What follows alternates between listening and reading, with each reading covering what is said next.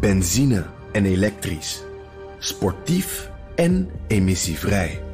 In een Audi plug-in hybride vindt u het allemaal. Ervaar de A6, Q5, Q7 en Q8 standaard met quattro vierwielaandrijving. Wat u ook zoekt, u vindt het in een Audi. Audi. Voorsprong door techniek.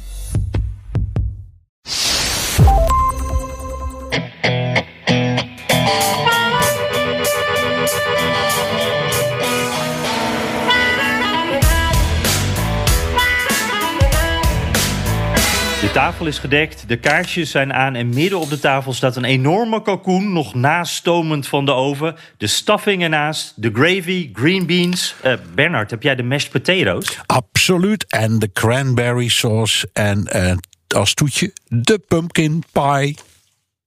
Lekker. Ik zal je niet vragen die door te geven, dat is wel heel ver. Maar dat betekent dat ons Thanksgiving dinner kan beginnen.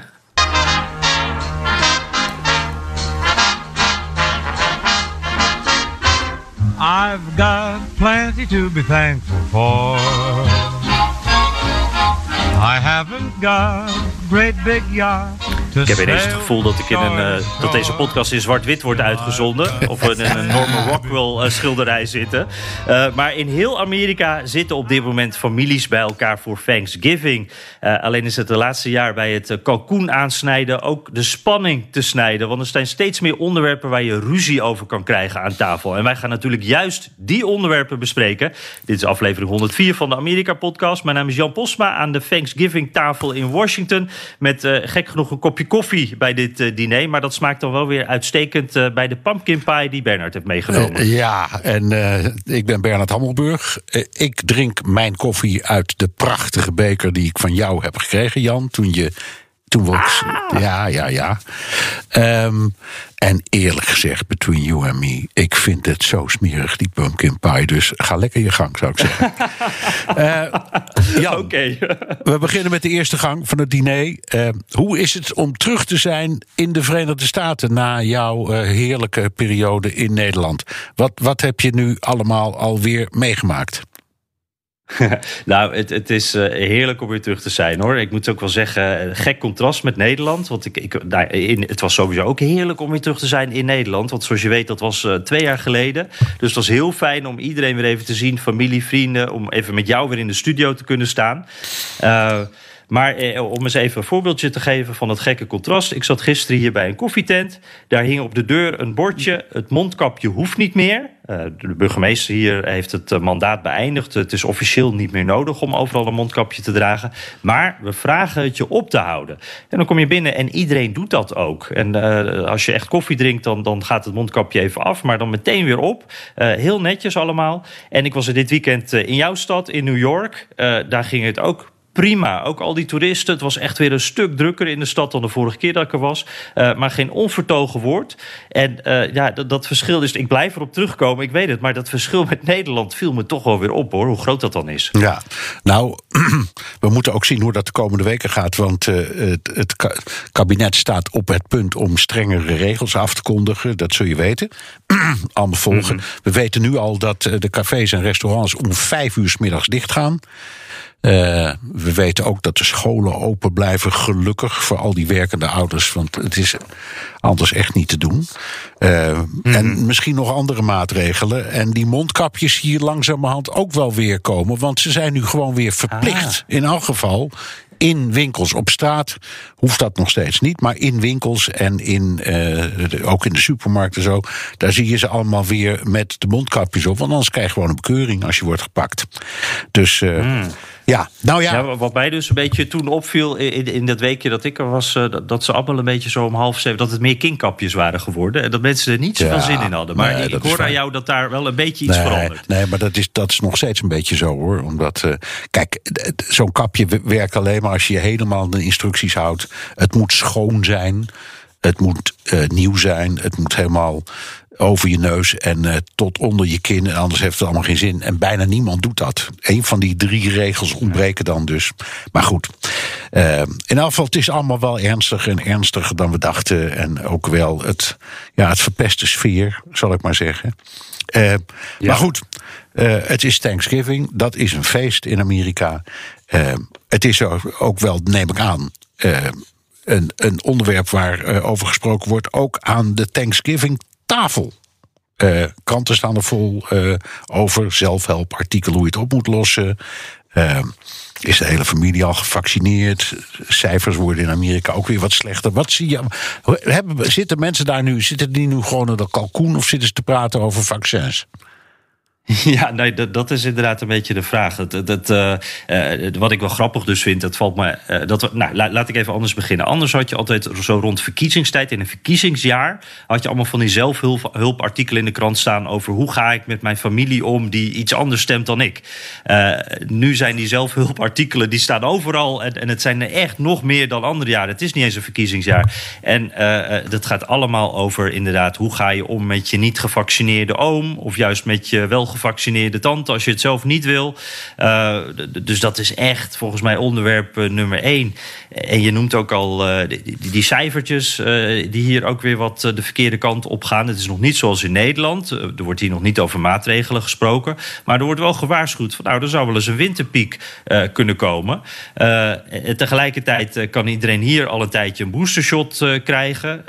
En, dat kan je gewoon bij de apotheek halen. Dat is heel makkelijk. En, en worden kinderen eh, vijf jaar ook gevaccineerd inmiddels. Dus, dus het is hier ook wel wat eh, anders dan in Nederland. Maar die discussie die blijft dus hetzelfde. En, en dan lees je dus al die psychologen, die coaches, eh, al, die artikelen erover van ja. Hoe, hoe, hoe hou je het gezellig aan tafel? Dat is echt een, een dingetje. Het lijstje met onderwerpen waarover je kan praten wordt eigenlijk steeds kleiner elk jaar. Ja, ja. Even, even nog even een soort van regieverhaaltje. Maar iedereen heeft het over een dinner. Maar ze eten het smiddags in Amerika. Hè? Dus, ja, het is eigenlijk een beetje zo eh, Ja. eh, bijna rond de tijd dat wij opnemen. eh, of tenminste. Ja, ze beginnen, dus. Ja. beginnen meestal ja, tussen twee en drie of zoiets, middags of vier. En dan, eh, dan, dan, dan dat, dat heet dan dinner. Dus waar, daar heb ik nooit precies begrepen. Maar als je taalkundig kijkt, dan, eh, dan is er een verklaring voor. Officieel is het een dinner. Maar hoe dan ook, de regel was. Het duurt vooral ook heel lang. Hè? Het Als je duurt vroeg begint, kan je lekker, Oh. lang, eh, lekker lang blijven eten. Daar komt geen eind aan. En als je, zoals ik en velen die ik ken, eigenlijk kalkoen helemaal niet zo lekker vinden. Dan, dan is het, dan is het een nou? lange, zit hoor. Maar goed. Ik heb uren op dit ding staan bakken, man. Ja, ja, ja, ja, ja. Nou ja, in de- hij doet het zelf hè, in de oven. Je moet er alleen maar een Ja, metertje in zo, dat ja, is ook zo. Maar goed, eh, Jan, eh, adagium. Wij praten aan de dinertafel niet over politiek en niet over religie. Eh, en dus ook niet over corona en niet over klimaat en eh, niet over Trump en niet over Biden. Toch? Of niet? Ja, ja, ja. nou ja, dat, dat- is het punt waar we nu een beetje zijn. Dit is ook wel een beetje triest. Want, eh, eh, eh, nou ja, was het vroeger dan inderdaad alleen politiek en religie? Nu is eigenlijk alles politiek geworden. Hè? Je kan het echt nergens meer over hebben. En en er wordt, het wordt politiek gemaakt. En dat wordt aan de, de dinertafel wordt dat wel heel ingewikkeld natuurlijk met andersdenkenden. En dus ja, wat je hier nu steeds gaat zien, denk ik, bij verschillende families. Er zijn ook families waar het natuurlijk gewoon heel gezellig aan tafel is. Maar dat het ook af en toe een beetje spannend wordt. En dat je een beetje voorzichtig moet zijn. En dat bepaalde familieleden niet naast elkaar kunnen zitten. Dus wat er in dat grote Amerika overal gebeurt, dat zie je nu in het klein allemaal aan die, eh, aan die dinner tables.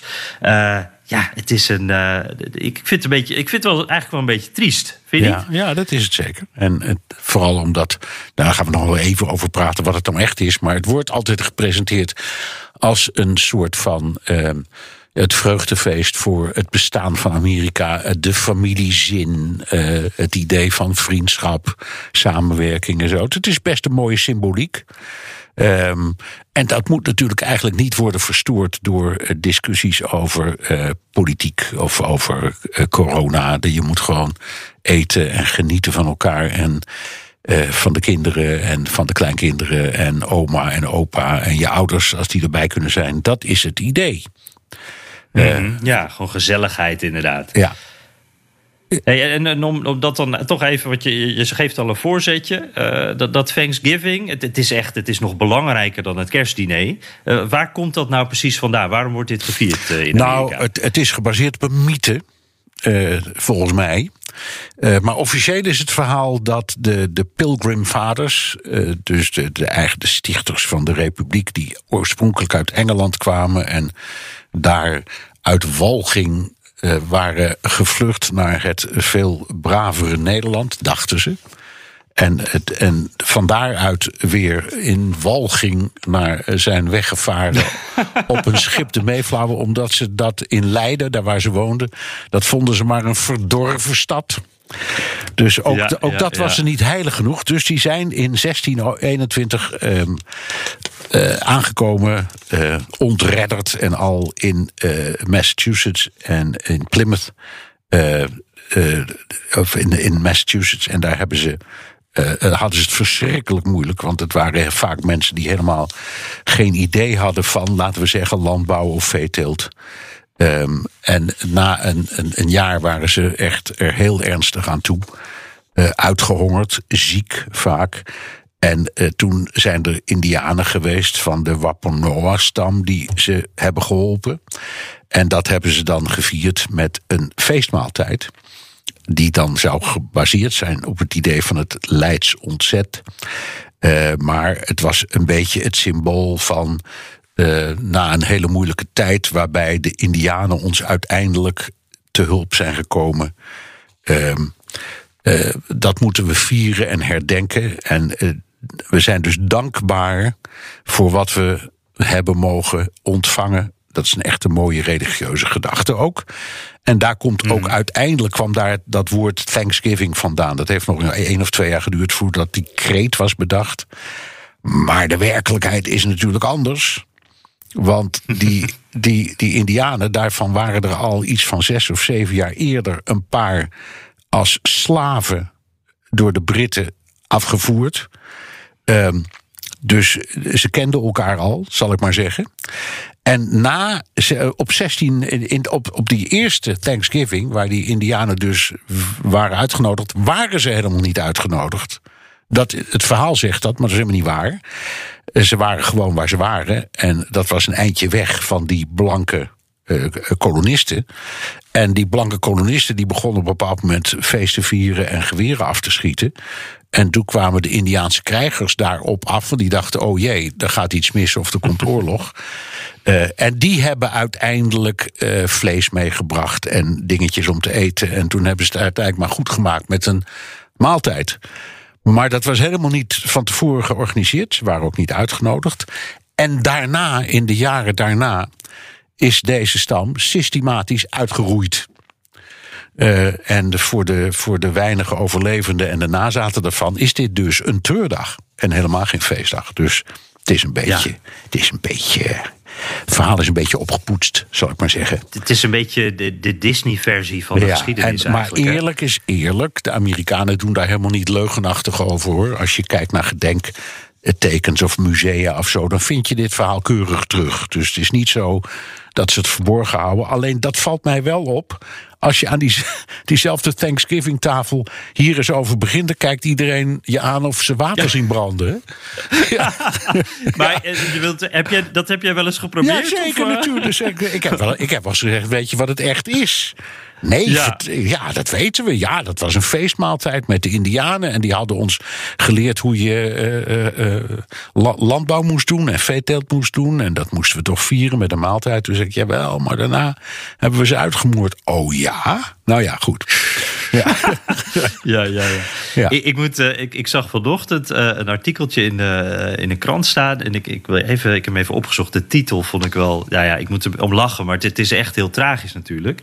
This tribe helped the pilgrims survive for their first Thanksgiving. They still regret it 400 years later. Ja, Washington het gaat Post. Dus over die Wampanoags. Washington ja, je hebt hem Post, ja, gezien. Ja, ja, ja, ja. gezien. Ja, het was een goed stuk hoor, trouwens. Daar staat, stuk, staat ja. dit hele verhaal ook in. En, eh, en eh, dat klopt. Dus de, nou, dat- wat alleen maar laat zien dat ze er zelf heel eerlijk over zijn. En eh, de krant op zo'n dag als vandaag gewoon zo'n stuk schrijft. Wat, wat, wat Ja, eigenlijk wat ja. heel, heel netjes is. Maar ja, misschien is het kerstverhaal ook niet precies geweest zoals we denken. Hè? Dat Nee, kan ook. precies, dus we precies. houden van, van bij dingen die een religieus of historisch tintje hebben, houden we ervan om dat mooi te maken en te houden. En het is. ehm, ehm, de vierde eh, donderdag van november. Eh, dat is de traditie, maar dat is niet altijd zo geweest. Hè? Ro- Roosevelt heeft het een keertje een weekje vervroegd. Ja, ja, dat vond ik wel echt een fantastisch verhaal. Ik had hier namelijk nog nooit eh, van gehoord. Eh, het werd toen in die tijd ook eh, de datum, die een weekje eerder werd Thanksgiving eh, genoemd. eh, met een beetje een grapje. En dat was echt iets wat de Amerikanen verdeelden op dat moment. En da- daar zat ook, eh, eh, nou ja, het deed me wel een beetje aan nu ook denken. Want die Amerikanen waren er zo boos over. Sommigen dat eh, Roosevelt ook met Hitler werd vergeleken.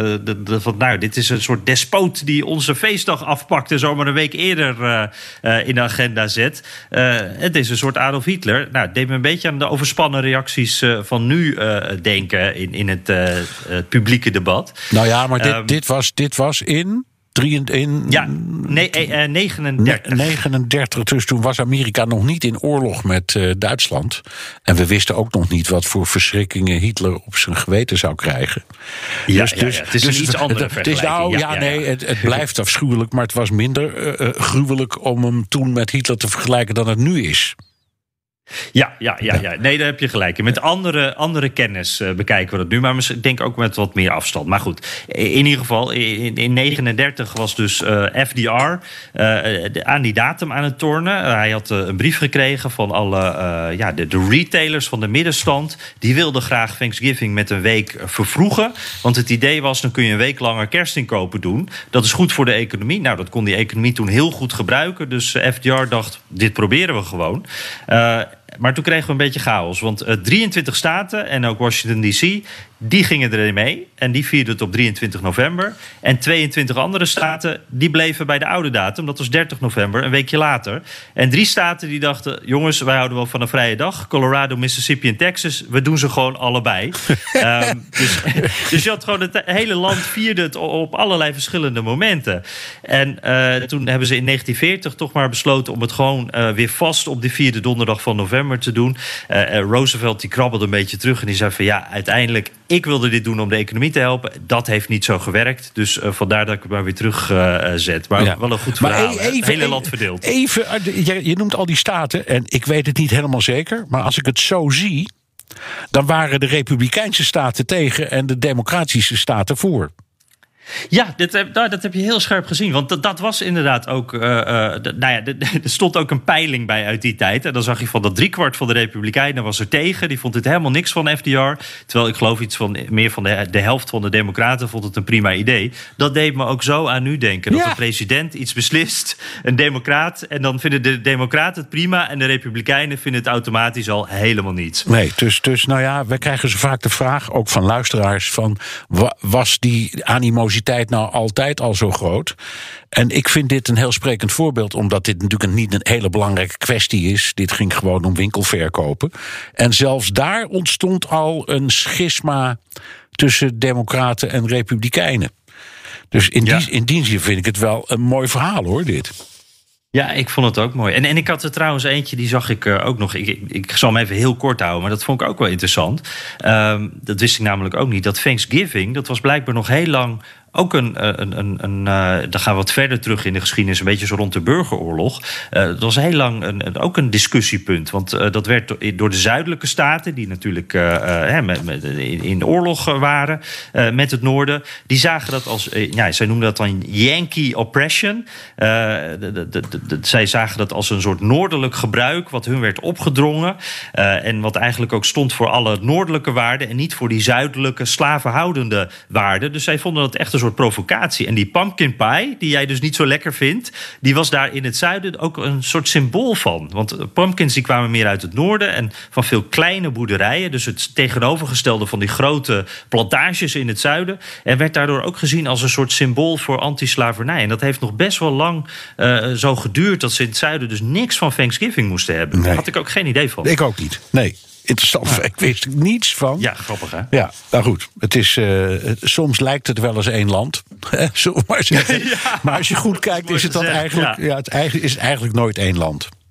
Nee, precies. Ik heb trouwens ondertussen, eh, terwijl wij praten, de, de Thanksgiving Parade is eh, bezig, Bernard. En ik zie nou do- do- door de, de, de, de hoge gebouwen van New York staan echt veel mensen langs de kant. Ja. Zie ik grote smurf voorbij komen. Ja, leuk Dus, hè. De Macy's, de, Macy's Parade. Want die wordt, die om, hè, het wordt al die jaren door Macy's. Laat even een stukje horen. Ja, ja ik, ik probeer dat even te doen. Ik loop eventjes... Ik zit hier aan de... Hop. Pak even de microfoon. Dit is old school hoor, bij de tv. Lekker. Triplet dinos. Each the same size and dimensions of the real newborn dinosaur. Je ziet nu een paar eh, dinosaurussen eh, die door de straat gaan, eh, die ook zwaaien. Waaronder een hele grote ballon van een grote groene dinosaurus. Zo. And there, up in the sky, it's a dinosauring dinosaur, but not just any flying dinosaur. This gentle giant balloon is Dino from the Sinclair Oil Corporation. Our Je hoort er meteen de sponsor. De sponsor er doorheen en allemaal van die gezwollen teksten. Het is fantastisch, toch? Ja. Ja, ja, het is gewoon een oliecorporatie. Ja, olie, dat is natuurlijk, eh, dat zijn een soort gerecyclede dinosaurussen. Dat, eh, Zo, ja, zo is het.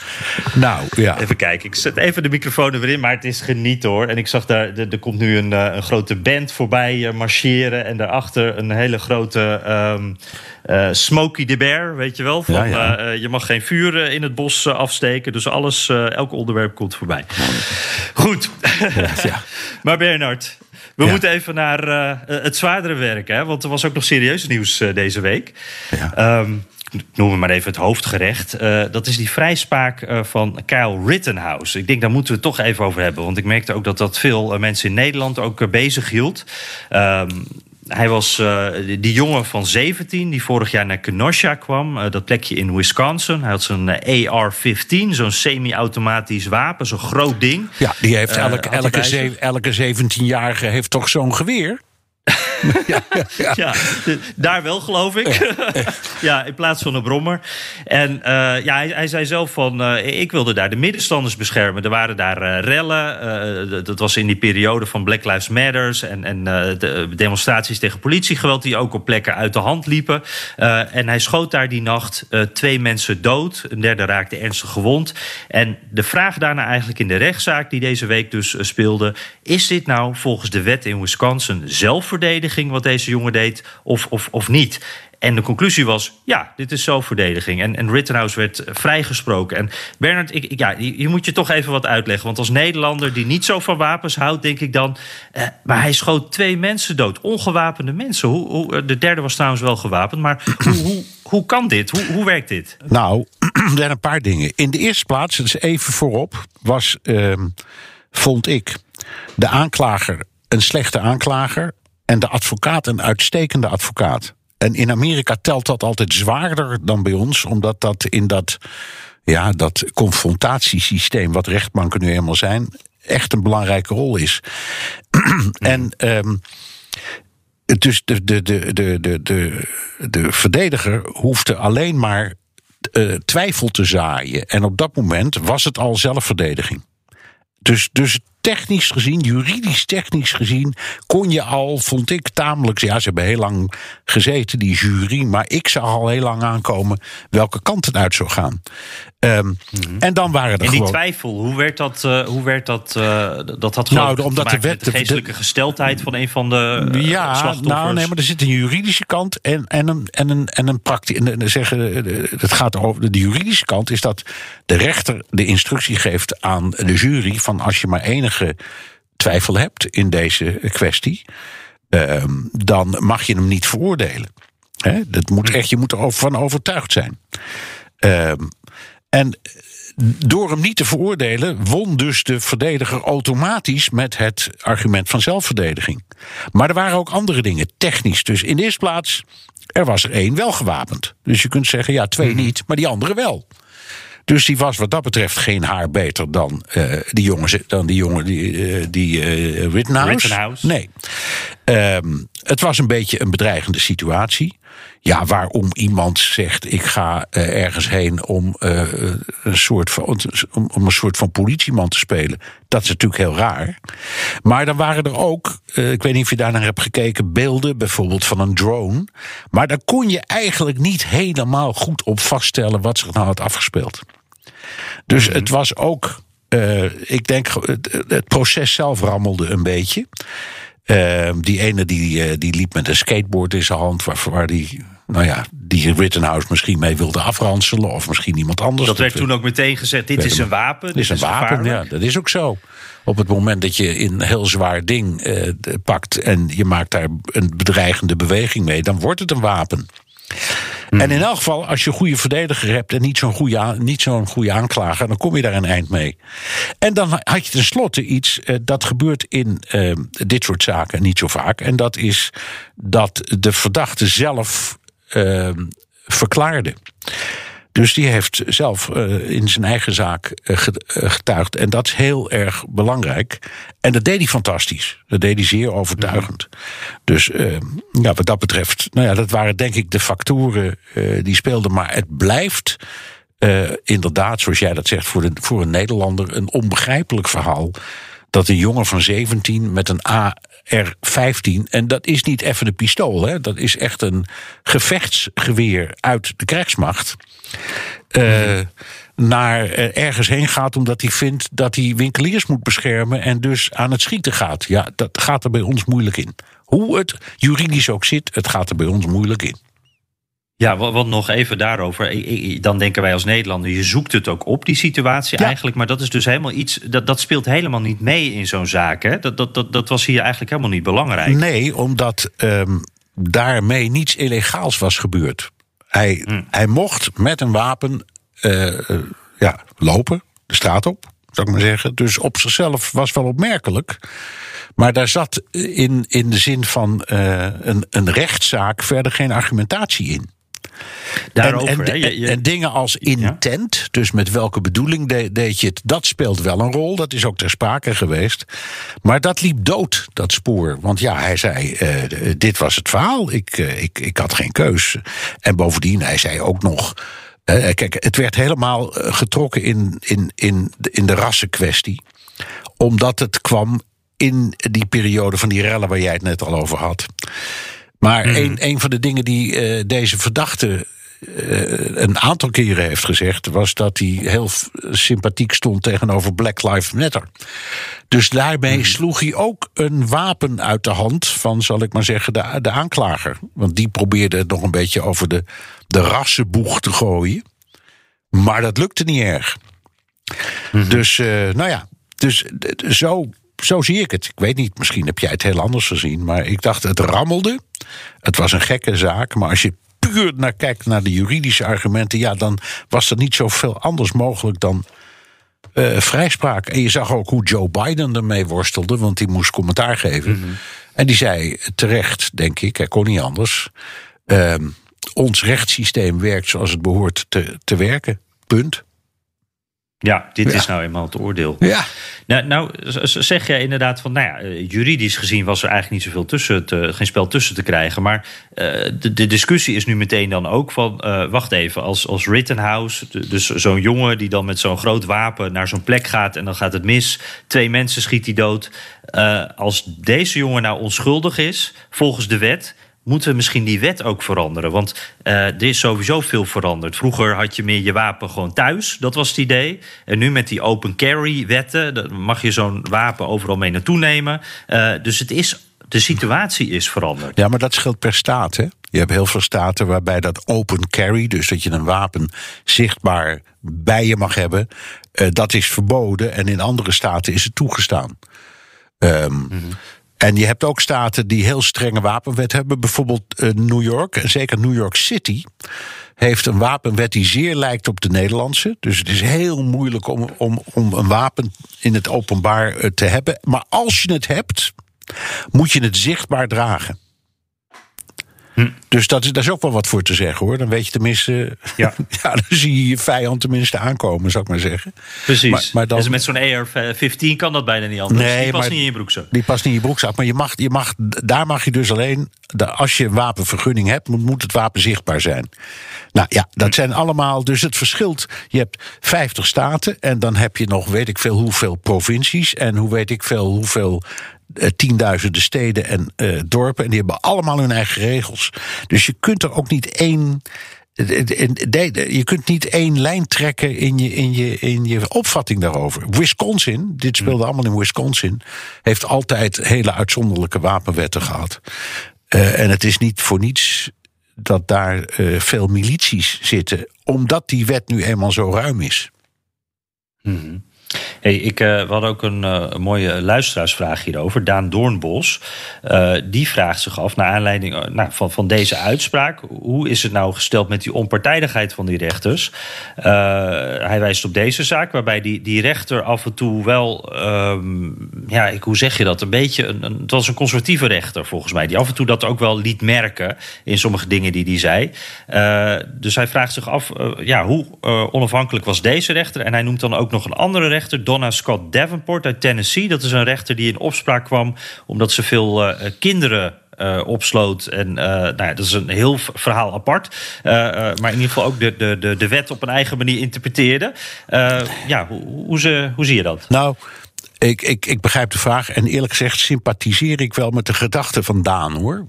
dus ik, ik, ik kan hem goed volgen. Alleen, het Amerikaanse systeem kent geen rechter zoals wij die kennen. Uh, in het Amerikaanse systeem is de rechter geen rechter, maar scheidsrechter. Dus die, uh, je, hebt een, een, je hebt een partij, in dit geval de aanklager, en dan heb je een verdediger, en die voeren een gevecht waarover de jury beslist.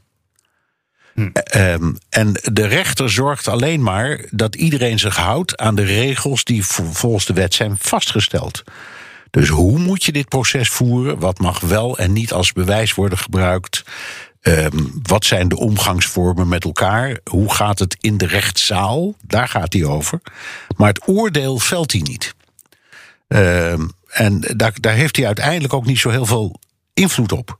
Uh, los dus van zijn eigen politieke voorkeur. Of, uh, of dat mhm. nou conservatieve of progressieve rechten. In een strafzaak maakt het in principe niet zo verschrikkelijk veel uit. Het hangt af van de jury. En daar was naar mijn idee wel wat over te zeggen. Want dat was een bijna helemaal witte jury. Mhm. In een zaak die duidelijk een raciaal tintje had tijdens rassenrellen. En dan denk ik, bij die selectie hadden ze misschien wel iets anders te werk moeten gaan. Daar speelt de rechter wel een rol in, maar ook dat is voornaam de regie is in handen van de aanklager en de verdediger. Dus er komen kandidaten uh, uh, voor zo'n jury. En dan is er een heel proces waarin uit die kandidaten een jury wordt vastgesteld. En dat wordt beïnvloed door beide kanten. Uh, en daar is naar mijn idee uh, iets, iets misgegaan. Dat had, dat had wat evenwichtiger gekund. Ja, want jij zegt eigenlijk, uh, het, want de slachtoffers waren blank, de dader was blank. Dat was niet het raciale aspect, maar omdat het tijdens die, die gespannen situatie, tijdens die rellen gebeurde, dat geeft het een raciaal uh, ja, dat, tintje. dat vind ik. En eh, daar heb ik ook een paar stukken over gelezen, jij misschien ook wel. Nu kun je ook zeggen, ja, waar het gebeurde, waren nu eenmaal meer uh, witte mensen dan zwarte mensen. Dus als je zo'n jury aan het samenstellen bent, ja, dan is dat een afspiegeling van de buurt. Dat kan bijna niet anders. Mm. Kun je ze ook niet kwalijk nemen. En toch, dat gaf, ik had daar een beetje moeite mee. Ja, ja, ja, ja. ik uh, snap wat je zegt. En, en, nog even terug op de rechters. Die worden natuurlijk ook gekozen. Dat, dat geeft ze wel een, een, meteen een, een, ook een politiek tintje, toch? Zeker. Rechters, dus alle staatsrechters worden gekozen. Um, en provinciale rechters worden gekozen. Federale rechters worden benoemd. Die op voordracht van uh, de minister van Justitie, van de president. En, en dan uiteindelijk benoemd door de Senaat. Net als, uh, net als ministers en ambassadeurs en zo. Maar de staten kiezen hun eigen rechtbank. En hun eigen sheriff, en hun eigen aanklager, en hun eigen schoolbesturen, en ga zo maar door. Ja, en moorden vallen vrijwel altijd onder het staatsrecht en zelden onder het federale recht. Dus inderdaad, moordzaken komen, nou ja, nagenoeg altijd voor een rechter die gekozen is door het volk. En in conservatieve staten zijn dat dus altijd conservatieve rechters. Dat is absoluut een feit. En dus zal deze rechter, die denkt, uh, die probeert natuurlijk sowieso zijn werk zo goed mogelijk te doen. Maar die heeft misschien ook in het achterhoofd toch een klein beetje: ik wil ook herkozen worden. Zeker. En ik denk dat hij eerlijk gezegd heel blij was met de uitspraak. Als ik, als ik, hem, Ja, als ik, als ik hem goed taxeer. Ja. Ja, precies. Dat denk ik ook. Ja. Hey, en eh, iets waar ik eh, eh, me over verwonderd heb, is hoe die Kyle Rittenhouse, een, een jongetje echt van 17, ik geloof dat hij inmiddels 18 is, maar echt een, een jongetje. Eh, die, die- is een held geworden eh, voor rechts-Amerika. Hij, hij, mocht bij Trump langs, eh, ging met hem op de foto, bij de duim omhoog. Hij werd geïnterviewd door Sean Hannity op Fox News. Republikeinse congresleden die, die vechten bijna letterlijk om hem een stage te geven. Die willen hem graag in kantoor hebben. En nou, dat iets wat extreme congreslid Marjorie Taylor Greene... die zegt al, ik wil, zo, ik wil hem een medaille geven... En ik, eh, ja, het, het is, ik, ik, ik, ik vind dat toch verbijsterend. Want, en gevaarlijk ook trouwens. Want het is allemaal al zo gespannen in de VS allemaal. En nu is er dus iemand die, die ja, nu wordt eigenlijk eigen richting ook aangemoedigd. En eh, het mag dan juridisch gezien nou, is hij vrijgesproken, het mocht allemaal. Maar dit moet je als land toch niet willen? Dat Nee. iedereen met eh, Nee, want hij is. wapens de straat op gaat. Dat is waar. En je mag hem geen moordenaar noemen, maar het lijkt er verdomd veel op, laten we eerlijk wezen. En om die dan op het schild te hijsen als een soort held, ja, dat is heel pijnlijk. Het is niet verboden. eh, en het gebeurt dus ook. Maar het is, ik vind het ook, ja, ik vind het ook heel pijnlijk. eh, en eerlijk gezegd ook onverantwoordelijk. Je kunt wel zeggen. Kijk, bij Trump langs gaan op de foto, daar gaat Trump over, maar verder niks. Maar alles wat in het congres gebeurt, ja, daar heb je ook een, een, een commissie die gaat over de regels. En ik vind dat die zich af en toe ook wel eens mag laten horen hoor. Eh, en zeggen, jongens, dit, dit moesten we maar niet doen. Ehm, Ja. En dan Fox News, ja, dat is helemaal iets krankzinnigs. Dat, dat programma van Sean Hannity is in feite een entiteit binnen dat bedrijf. Eh, maar je hebt bij Fox News ook afdelingen die, eh, laten we zeggen, min of meer traditionele eh, journalistiek bedrijven. Wat zij zelf, zij zelf gebruiken het gehate woord mainstream media. Maar dat gebeurt daar ook. En, en, en hoe dat in één bedrijf kan, Sean Hannity en ook Tucker Carlson, die ook in feite zijn eigen domein heeft binnen dat Fox News, dat blijft een hele rare kwestie. En het zijn dat soort mensen die, eh, nou ja, in, in situaties zoals deze zo'n belangrijk stempel drukken op het eh, politieke denken. En wat mij eh, het meest opvalt hieraan is eh, dat het eigenlijk zonder enige oppositie gebeurt. Ik hoor wel mensen zeggen van hoe kan dat nou en moeten we dat nou wel doen? Maar er is niemand die roept van jongens, daar gaan we een stokje voor steken of we gaan wat anders doen. Of we hijsen ook eens een keer een andere held op het schild die er anders over denkt. Of iemand die tegen wapenwetten is, ik noem maar eens wat. Maar dat gebeurt niet. Ja, dat is eh, waar. En het is een. eh, dit onderwerp is eigenlijk net. We hadden het in het begin over de, de, de, de, de, de dinertafel. en hoe alles gepolitiseerd is, dat je het nergens meer over kan hebben. Dit is ook zo'n onderwerp. wat extreem gepolitiseerd is. Eh, waardoor je er eigenlijk ook niet meer gewoon over kan praten. Want er zijn gewoon twee kampen. Zeker. En, eh, Ja. en het, eh, het conservatieve kamp horen we veel luider. Dat klopt inderdaad. dan het anti-wapen en het wat linksere kamp. Ja, ja, en de reacties die ik zelf ook heb gekregen, ik weet niet of dat bij jou zit, en ik zit niet eens op Twitter, en jij wel, maar ik krijg dan ook reacties, en dat waren nagenoeg, nee, allemaal eh, reacties van inderdaad eh, conservatieve republikeinen die dolblij waren met deze uitspraak. En dat ook zeiden. Ja, ja, ja. nee, dat is het meeste wat ik ook heb gehoord. Ja. Hey, en, en er was daarnaast nog, eh, dat speelde ook deze week. Dat is een beetje ondergesneeuwd, denk ik eigenlijk. Dat was die zaak van Ahmaud eh, Arbery. Dat was die zwarte jogger in Georgia. Die eh, werd doodgeschoten. Die, die, die, ja, hij was eh, tijdens het, het joggen. eh, had hij in een, een, een, in aanbouw zijnde huis. Daar was hij even gaan kijken. En die, die drie blanke mannen die concludeerden daaruit: wacht even, dit is een crimineel. We gaan achter hem aan nou, doodgeschoten uiteindelijk. Eh, de beelden daarvan, die trouwens door een van die eh, blanke mannen zelf gedeeld is, eh, of gelekt is, moet je zeggen, die deden hun uiteindelijk de das om. En die zijn wel, nou, er zijn wat nuances in, maar die zijn schuldig bevonden.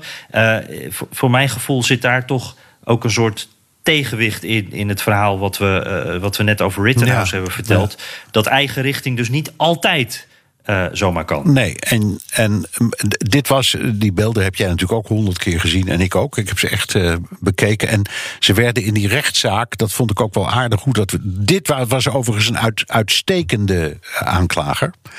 Die ook eh, dat die beelden in hele kleine stukjes opdeelde. Bijna beeldje voor beeldje liet zien hoe het echt een doodgewone moord met voorbedachte raden was. Mannen die hun wapens waren gaan halen, bij wijze van spreken, om te dachten: Ja. "De- deze gaan we even omleggen. En dat kon je, als je die beelden zag en het verhaal erbij hoorde, ook echt goed volgen. Dus ja, dan had die jury ook niet veel keus. Dat kon niet Ja. anders dan tot schuldig leiden. En je kunt zeggen, nou, dat is ook wel weer eh, de andere kant van het verhaal. Heb je gelijk in. En Georgia is nou ook niet de meest progressieve staat, zullen we maar zeggen. Nee. Nee. Dus, ik, vond wel, ik vond het echt eh, veelzeggend dat die, die, een van die mannen zelf die beelden dus naar buiten heeft gebracht. Die, die was er blijkbaar zo van overtuigd dat hij in zijn recht stond, dat dit mocht, Ja. eh, dat dit gewoon kon. En, en eh, ja, dan heb je natuurlijk de echo hierin van het verleden. Dat, dit zag eruit als een lynching. Ja. Ja, maar, de beelden, maar hij had inderdaad die beelden gemaakt omdat hij dacht: die, die, die Arbery, die man die eh, vermoord is, die is eh, be- bezig met, eh, met, met inbreken of een misdrijf plegen. En ik ga het ook even filmen, dan kan iedereen zien dat dat zo was. Mhm. En wat je ziet is een lynching. Dus Ja, vreselijk. Heel apart. Nou. Eh, ja, we, Ja, we hebben Jan, het zo- zware gedeelte een beetje gehad nou al ja, zeg, toch? zeg, ja op, op deze vrolijke feestdag. Zullen we naar de luisteraarsvragen gaan? Zit daar wat leuks bij, Jan? Ja, zeker. Daar zit wat meer vrolijkheid in hoor. We hebben toch nog ons, ons eh, toetje naar dit eh, wel hele zware, maar ook wel nodige, denk ik, hoofdgerecht. Want het, eh, was een, eh, eh, het is een belangrijk onderwerp. Ehm, eens even kijken. Martijn uit Rotterdam, trouwe luisteraar. Dat horen wij sowieso eh, al heel graag. Ehm, Even kijken hoor. Eh, kijkend naar de huidige peilingen en de sfeer onder Amerikanen, denken jullie dat het realiseren van eh, de infrastructuurbil eh, van Biden, dat, dat dat nog op tijd komt? Zowel voor de midterms als voor de volgende presidentsverkiezingen. Want hij zegt iets, en daar ben ik het helemaal mee eens. hoe gaan die Amerikanen dat binnen de komende nou, driekwart eh, jaar ongeveer, of een jaar ongeveer, daadwerkelijk merken? Want Ja. ja. zo'n snelweg, internet, dat, dat gaat allemaal niet eh, in een dag natuurlijk. Nee. Dit gaat heel lang duren. Ja, wat een goede vraag zegt. hij. Het is waar. Ja. Ik heb er helemaal niet zo over gedacht zelfs. Ik dacht, goh, het is toch wel een, eh, een, een- mooi dat, eh, dat de beide partijen uiteindelijk samen hebben gekozen voor iets moest. Van, wat moest, want de, de gemiddelde Amst- de, Amerikaanse weg die, die lijkt op een maanlandschap. Dus er moet echt iets aan gebeuren. Maar inderdaad, voordat je dat hebt veranderd, ben je een aantal jaren verder. Wat misschien wel gebeurt, is dat al de personeelswerving voor die grote projecten op gang begint Oh ja. te komen. Dus, Ja, dus dat is ook heel belangrijk. Kijk, één heel belangrijk aspect van die infrastructuur is dat het zoveel personeel gaat eisen. En misschien, als ze het handig doen, kunnen ze wel al aanbestedingen gaan doen. En zeggen, de, eh, al die wegen gaan we verdelen. En dat moet per staat of per regio gebeuren. En daar gaan we vast het personeel en de aannemers bij zoeken. En dan zie je dat, eh, het gaat trouwens sowieso goed met de banencijfers, zag ik. En dat kan dan wel helpen. Maar voor de rest is het inderdaad een stuk papier waarvan heel veel mensen nog niet eens precies weten wat het nou inhoudt, die, eh, die, eh, die infrastructuurwet. Dus ik wil een hele goede vraag van Martijn hoor. Ja, precies. En, en, en ik, het is ook echt zo dat democraten zich hier zorgen om maken binnen die partij. Want eh, nou ja, je zegt al, die Amerikanen, heel veel kiezers weten helemaal niet wat erin staat. Daar gaat het ook bijna niet over. Het- Ik bedoel, het gaat wel over bruggen, internet, bla bla bla.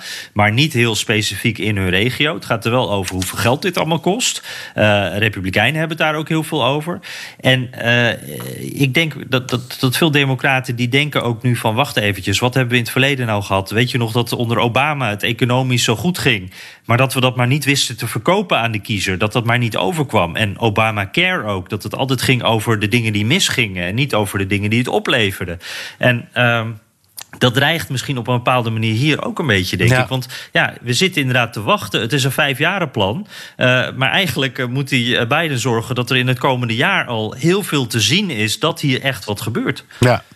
Hij, is, hij moet in meer dan één opzichte een bruggebouwer worden, Jan. ja. zeker, zeker. Mooi, mooi. Nou, dank voor de vraag in ieder geval. Eh, Sam van Zandvoort, eh, ook een trouwe, trouwe luisteraar. Eh, en die zegt, ik luister tijdens het uitlaten van de hond. En hij luistert ook nog, dit zijn even wat tips die voorbij komen. Consider This van NPR, natuurlijk goed. En de Political Gapfest van Slate, dat is ook een van mijn persoonlijke favorieten. Ook een hele leuke politieke podcast. waarbij drie mensen aan tafel zitten om te praten over de politiek. Dus dat is oh bijna wat wij doen. Oh jee. Eentje extra, ja. En hij heeft nog een boekentip. Dat is ook leuk. Strangers in Their Own Land van Arlie Russell Hoke Shield uh, uit 2016. Hij zegt: uh, uh, Sam, ik lees veel over Amerikaanse politiek en cultuur, maar dit boek torent, wat mij betreft, boven alle andere uit. Het is een fantastisch verhaal van een professor sociologie die haar linkse bubbel in Berkeley verlaat om zich onder te dompelen in Tea Party Country, Lake Charles, Louisiana.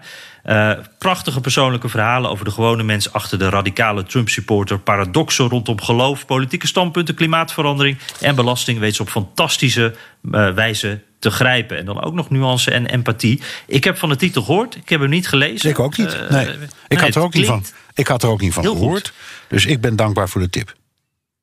Zeker, dus uh, dankjewel Sam. Uh, ja, dan hebben we een paar vragen die een beetje over hetzelfde onderwerp gaan. En die gaan over de vorige aflevering. Toen ik natuurlijk even, uh, nou ik weet niet meer, ik zat toen in het vliegtuig of zo geloof ik. en toen waren jij en David deden de vorige aflevering. En Si Liang Hai, die stelt daar een vraag over. Um, een paar vragen, eigenlijk pik er even eentje uit. in nummer 103, over, op 33 minuten en 33 seconden... stelde de heer David Hammelburg dat een stad New York York 9000 IC-bedden heeft voor 9 miljoen inwoners. Ik kan dit echter nergens vinden. En dan komt, ze met een, uh, komt u met een site. Um, ja, eh, daar staan dan wat andere cijfertjes uh, op. Uh, ja, ik, ik, ik weet eigenlijk helemaal niet. Nee, nou, dat weet jij daar meer van, ja, Bernard? Nou, ik weet er wel iets van. Ja, kijk, we hebben, dat, we hebben een heel onderzoekje gedaan over IC-bedden. En um, wat we hebben gedaan is optelsommen gemaakt op basis van gegevens die al waren gepubliceerd. Eentje was uh, dat ze begonnen in de coronacrisis met 1600 bedden. Dat was binnen de kortste keren verhoogd naar 3500 IC's. Dat kun je gewoon terugvinden in uh, elk krantenarchief. En vervolgens is een uh, belofte gedaan om dat op te voeren naar minstens 6000. En dat is ook gebeurd. Kun je ook terugvinden. Um, en dat ging dan, en daar eh, ging de discussie een beetje over, over cijfers uit de public hospitals. En dat is maar ongeveer de helft van het totaal. Er zijn dus veel meer ziekenhuizen dan alleen die public hospitals. En uh, David heeft toen een berekeningetje laten maken door mensen die hij kent in de medische wereld. En uh, die zeiden op basis van die laatste belofte dat die 6000 nog zouden worden opgevoerd, moeten het er nu ongeveer 9000 zijn. 9000 zijn. Dus dat, is, ja. dat, dat was de berekening. Eigen werk. Ja. Dus uh, steken we onze hand ervoor in het vuur? Nee. Uh, maar Xi Hai heeft misschien wel een punt. Misschien klopt die berekening niet helemaal. Maar in elk geval, uh, de, de dingen die wel al gepubliceerd zijn, dat zit ver, ver, ver boven de 1150 IC-bedden die 17 miljoen Nederlanders hebben. Ja, ja, helemaal duidelijk. Uh, dank voor de vraag uh, in ieder geval. Uh, Silang Hai, die, die ook nog zegt trouwens... niets dan lof voor uw column, Bernard. Oké. Okay, en nou, de podcast. Dus okay, die kan je in je zak steken. Ja, ja, altijd trots als mensen dat zeggen, weet je dat? Vind ik ja, hartstikke ja, fijn om te horen. Ja. voorstellen. Uh, Rijn Vervoort, uh, die zegt... Uh, ik luister altijd op zondag vanuit het zuiden van Amsterdam... als ik met het huishouden bezig ben. En ja, die is zelf wat aan de slag gegaan. En die zegt van... ik ben onder andere naar Fox Radio gaan luisteren. En ik kan dat ongeveer een half uur volhouden. Allereerst lijkt het meer op schreeuwen dan praten. Net zoals kinderen die geen gelijk krijgen... Dan, en die gaan dan maar harder praten. En dan is de boodschap ook nog een keer altijd identiek. namelijk de democraten zijn communisten. Verder onderbreekt elke vorm van nu en zelfreflectie. Uh, het is inderdaad soms een beetje een uitdaging. Uh, dat uh, ben ik wel met je eens. Het is echt één kant. Het is een beetje alsof je, zeg maar, de wind komt keihard van rechts daar. En af en toe moet je dan eventjes CNN aan zitten. En dan komt de wind van links. En dan ben je weer een beetje, dan zit je haar weer goed, zullen we maar zeggen. Um, in de laatste uitzending gaat het weer over de IC-bedden. en hij ja, maakt dan even een vergelijking. Zegt van, we geven hier meer dan 100 miljard euro uit aan de totale gezondheidszorg. de totale begroting van Nederland is ongeveer 350 miljard. Hier is iedereen verplicht verzekerd. Minimaal eigen risico van 385 euro. Zorgtoeslag. En dan zegt hij: Ik weet niet precies hoe het geregeld is in de VS. Begrijp dat veel inwoners niet verzekerd zijn. Word je toch geholpen als dit het geval is? En krijg je de rekening achteraf alsnog gepresenteerd? Ook hoor ik dat in sommige gevallen het eigen risico zo hoog is dat het bijna niet de moeite waard is om je te verzekeren. Kortom, we hebben misschien niet zoveel IC-bedden per hoofd van de bevolking, maar ik vind het beeld eigenlijk veel genuanceerder in zowel medische, ethische als economische zin. Ja, nou, dat is een, het is een ingewikkeld verhaal. Ik, ik begrijp uh, Rijn. Uh, volledig. En hij heeft ook wel een punt met die verzekering en het eigen risico. Uh, in Nederland is dat allemaal veel beter geregeld. Maar de Amerikanen en zeker de New Yorkers, maar ik geloof dat het eigenlijk voor het hele land geldt, hebben van meet af aan gezegd dat wat corona betreft die kosten niet zouden worden gedeclareerd.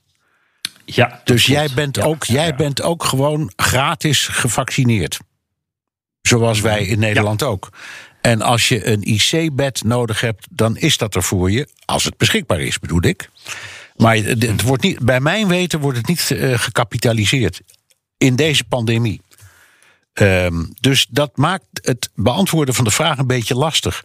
Voor de rest geldt het wel. Als je een, uh, een, een, ernstige operatie nodig hebt en je raakt in de IC onder normale omstandigheden, dan is dat in Amerika een dure grap. Uh, mm-hmm. en, en die verzekeringen zijn compleet anders dan bij ons. Maar um, in, in dit geval, bij corona, is, geldt een uitzondering. En daar kun ja, je dus. Corona is dan toch weer net anders. Ja, en dat is corona gratis, niks is gratis. Maar laten we maar zeggen, gewoon voor het gemakkelijke begrip. De coronahulp is gratis. Overal. En dat hebben ze ook in Amerika van de torens geschreeuwd. Hè, toen ze begonnen met testen eerst en daarna met uh, prikken en daarna met onderzoek en zo. Dat, dat, dat, en dat is ook een, een hele goeie, vind ik, dat ze dat zo hebben aangetakt. En uh, kijk, het uitgangspunt bij ons vorige week met David ook in de, onze discussie, was dat Nederland het land is met de minst, het minste aantal IC's en ziekenhuizen in, bij mij weten, de hele westerse wereld, maar in afval in Europa. Met maar 1150 IC-bedden. In Duitsland hebben ze er 28.000.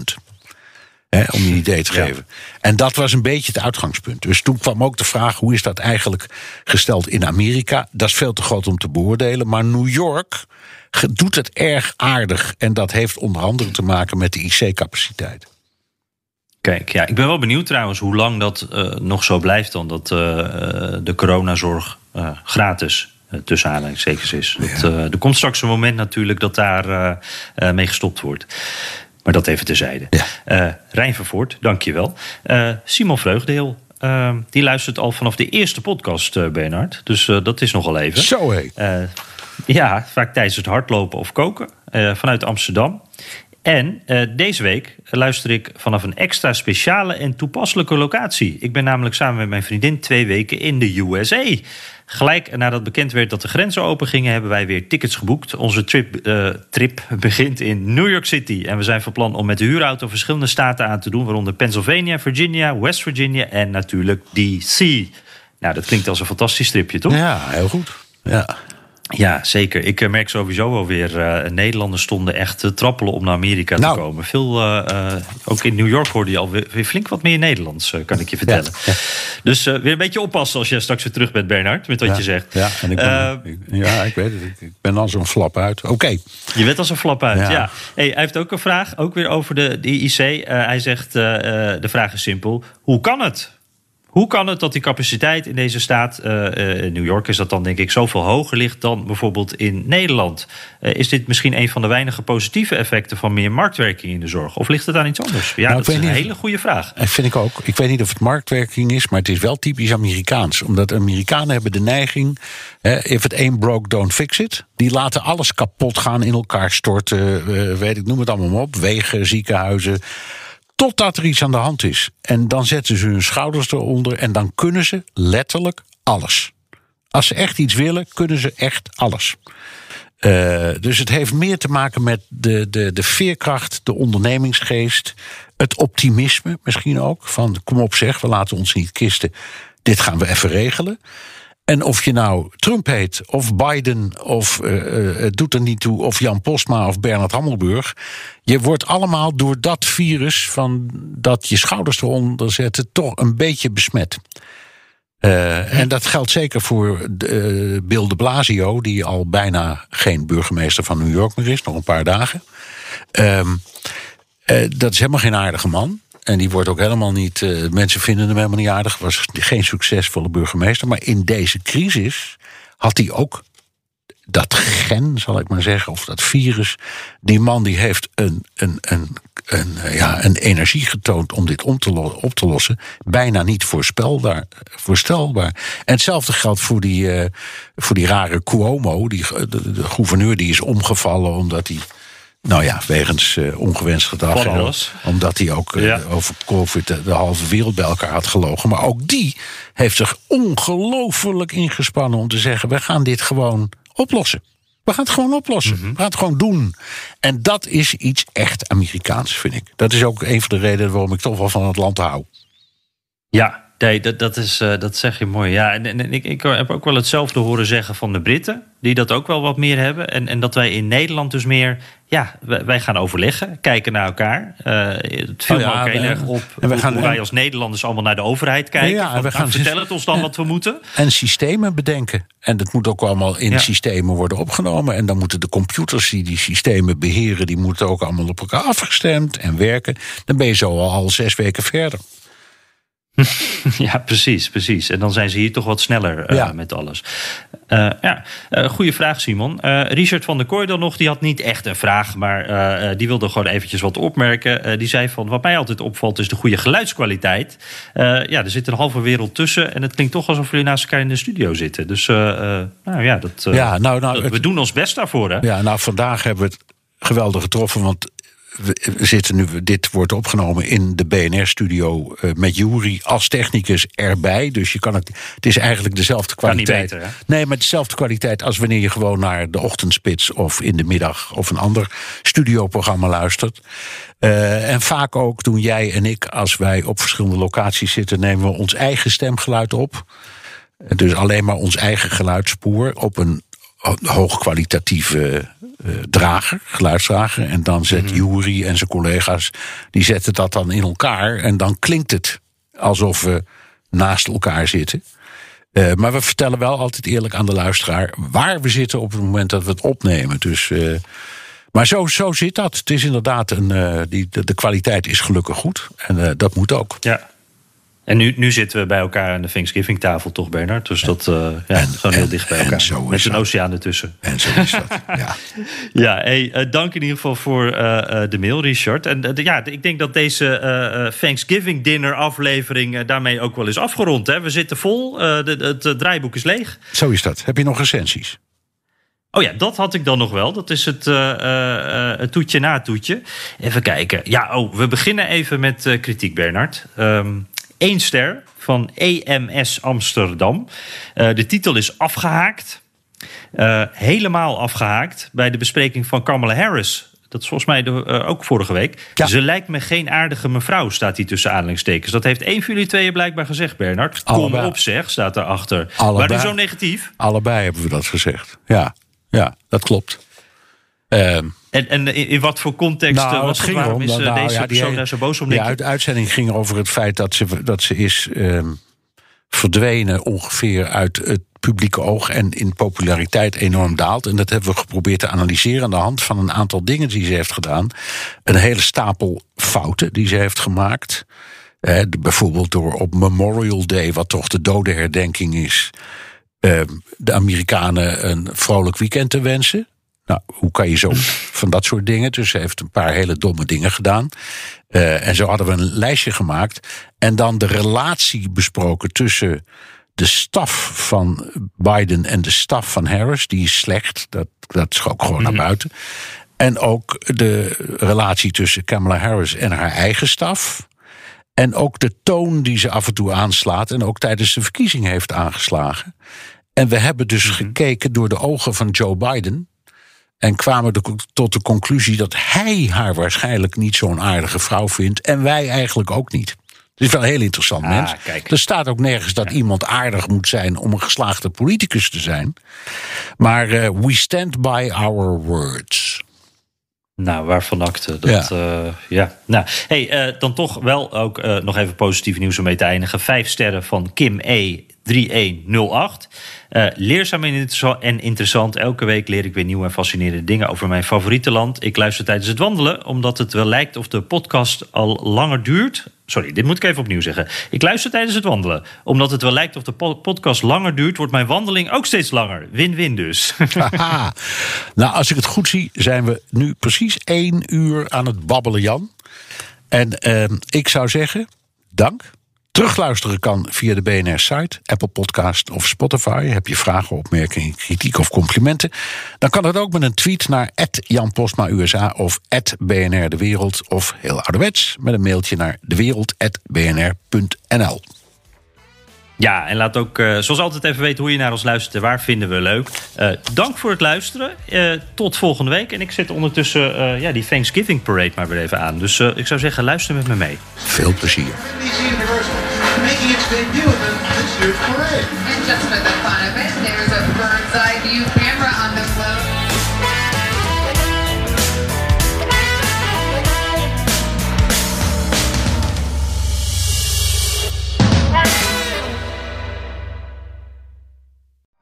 Benzine en elektrisch.